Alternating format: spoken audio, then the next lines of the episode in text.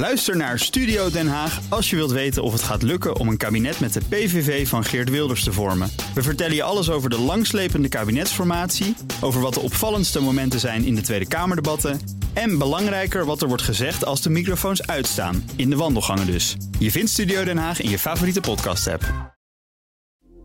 Dit is een BNR podcast. Wetenschap vandaag. Ja, de wat oudere luisteraar die zal het vast herkennen. De pijntjes nemen met de jaren toe. Maar is dat simpelweg slijtage? Of zit het hem bijvoorbeeld in hoe onze hersenen pijn verwerken en ervaren? Wetenschappers weten nu weer iets beter hoe dat zit. En dat geldt ook voor wetenschapsredacteur Carlijn Meinders. Hey Carlijn. Hoi. Wat is er ontdekt? Nou, voor dit onderzoek zijn ze het brein ingedoken. Daar vind je onder andere hersengebieden die onze pijnperceptie regelen. Uh, nou zijn die gebieden vooral onderzocht in de leeftijdsgroep 18 tot 40. Dat is niet zo dat oud. Heeft wel uh, nee, dat is inderdaad niet zo oud. Het heeft wel bijgedragen aan wat we weten over de verwerking van pijn natuurlijk. Maar dat zegt nog heel weinig over hoe dat verandert als we ouder worden. Want oudere mensen, dat zijn ook vaak de mensen die last krijgen van chronische pijn, bijvoorbeeld. Hmm. En, en dat verschilt dan ook nog per geslacht, toch? Hoe we pijn ervaren. Ja, ja, dat is heel goed dat je daarover begint. Er zijn inderdaad aardig wat onderzoeken geweest die hebben laten zien dat vrouwen gevoeliger zijn voor pijn dan mannen. Alleen hoe dat komt en waar dat verschil in die pijnperceptie dan moet zitten, dat weten we nog helemaal niet goed. Uh, wat, wat er anders is dus in dat brein, waarom is dat verschil er eigenlijk? En zoals ik al zei, vooral die jonge mensen zijn onderzocht. Dus we weten al helemaal weinig over die verschillen op latere leeftijd. En hebben ze daar dan wat aan kunnen veranderen met dit onderzoek? Ze zijn inderdaad gaan kijken naar die oudere groep, uh, leeftijd 30 tot 86. Want in die periode beginnen die problemen met chronische pijn. Uh, rond de 30 vrouwelijke proefpersonen en 30 mannelijke proefpersonen deden mee. Niet een gigantisch grote studie mm. dus.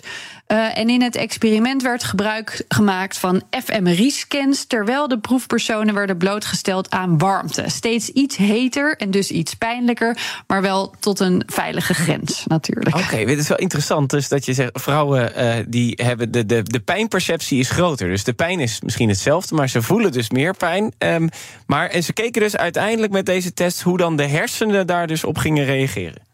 Ja, ja, ze keken naar een groep van hersengebieden die, waarvan we weten dat die een grote rol spelen bij het verwerken van prikkels als pijn. Uh, daar worden ook onze opiatenreceptoren geactiveerd. Die kunnen dan uh, aan de slag met lichaams eigen pijnstillende stofjes.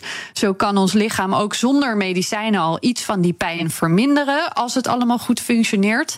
En tegelijk met het maken van die scans moesten de deelnemers ook aangeven hoeveel pijn ze dan hadden. Ze konden kiezen uit uh, amper merkbaar, een beetje pijnlijk en uh, gemiddeld pijnlijk. En dat werd weer vergeleken met de hersenactiviteit in die uh, specifieke gebieden. Oké, okay, en wat viel daar dan op toen ze daar keken? dat er in een deel van uh, dat verwerkingscircuit uh, in het brein inderdaad een verschil te zien is tussen mannen en vrouwen. Want bij dat hoogste niveau van pijn zagen ze bij de mannen een sterkere reactie, meer activiteit naarmate ze ouder werden, ouder werden. En bij vrouwen juist een zwakkere reactie. En die verminderde reactie in dat pijnverwerkingsgebied suggereert dat vrouwen daarmee minder in staat zijn om zelf die pijn te verminderen. En dus dat vooral oudere vrouwen gevoeliger zijn voor pijn. Ja, suggereert zeg je, dus, dus ze weten het nog niet helemaal zeker. Nee, nee ze, zien, uh, ze zien dat verschil. Lastige is alleen dat we dat pijnverwerkingsgebied nog niet helemaal begrijpen. We weten eigenlijk nog niet zeker welke reactie van die hersengebieden optimaal is. En of je bijvoorbeeld activiteit in het brein ziet omdat het op dat moment pijn registreert. Of dat je het reageren op die pijn ziet. Wat zou betekenen dat het eigenlijk nog pijnlijker had kunnen zijn, maar je lichaam al aan de slag is gegaan, zeg maar. Dus dat is, dat is nog een lastige kant hiervan. Ja, maar daar willen ze wel naartoe werken. Dat willen ze zeker beter uitzoeken. Ja, uh, naast het herhalen van dit onderzoek in een grotere groep. Want weten, dit is gezonde pijn, hersenactiviteit en dit niet. Of uh, dit correspondeert met deze hoeveelheid pijn. Daar hebben we op verschillende manieren wat aan. Bijvoorbeeld als mensen dit zelf niet meer kunnen aangeven. Denk aan uh, bepaalde ziektes of situaties waarbij iemand niet kan praten of niet goed kan uitleggen wat er precies mis is. dan zou het natuurlijk heel behulpzaam zijn als je daar met een hersenscan meer over zou kunnen zeggen.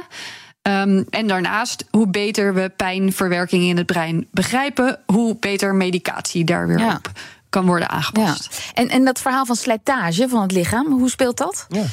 Ja, dat, dat speelt zeker ook een rol bij hoe vaak en hoe snel we pijn ervaren. Zelfs uh, van zoiets als buikpijn in reactie op eten weten we dat dit vaker voor kan komen als we ouder zijn en ons spijsverteringssysteem uh, wat slomer gaat werken en de wanden van sommige organen bijvoorbeeld dunner worden. Uh, hebben ze niet in dit onderzoek naar gekeken, maar ook daarin zouden verschillen tussen mannen en vrouwen bijvoorbeeld kunnen zitten. Maar voorlopig hebben qua pijnperceptie dus vooral oudere vrouwenpech. Nou, lekker vooruitzicht. ja, daar lijkt het wel op. Uh, maar goed, dat weten kan er ook weer voor zorgen dat we daar meer rekening mee kunnen houden, natuurlijk. Uh, ik moest ook denken aan een artikel van een paar weken geleden. Het ging over anesthesie. De verdoving uh, die je voor een operatie mm -hmm. kan krijgen. vrouwen doen er langer over, blijkt, om onder zeil te raken. Dat wisten we trouwens al langer. En worden ook weer eerder wakker. Ook daarvan weten we nu beter waardoor dat komt. Daar spelen hormonen weer een rol bij. Uh, dus ja, er is wat die pijnverwerking betreft zeker nog meer onderzoek nodig. Maar gelukkig worden die verschillen wel steeds beter in kaart gebracht. Zodat we allemaal de zorg uh, kunnen krijgen die we nodig hebben. Ja, ik moet toch wel even mijn wereldbeeld een beetje bijstellen. Want ik, ik uh, hoor altijd, ja, vrouwen die moeten baren. Want mannen kunnen dat helemaal niet aan, die pijn. oh, dat geloof en de ik best. flu en zo, weet je wel. Maar goed, dat... Maar, ja, ik moet ja, hier toch dat, wel... dat is een Ja, zeg het maar. Nee, ik moet hier toch wel altijd denken aan een opmerking van, van Bernard hier op de redactie. Bernard Hammelburg. Want ja, als je nou eenmaal ouder wordt, heb je gewoon pijntjes. En die zegt altijd: de dag dat je als 60-plusser wakker wordt zonder pijn. Dan ben je dood. nou, dat is helemaal een uh, mooi Wat een mooie, gezellige afsluiting. Dankjewel, Carlijn.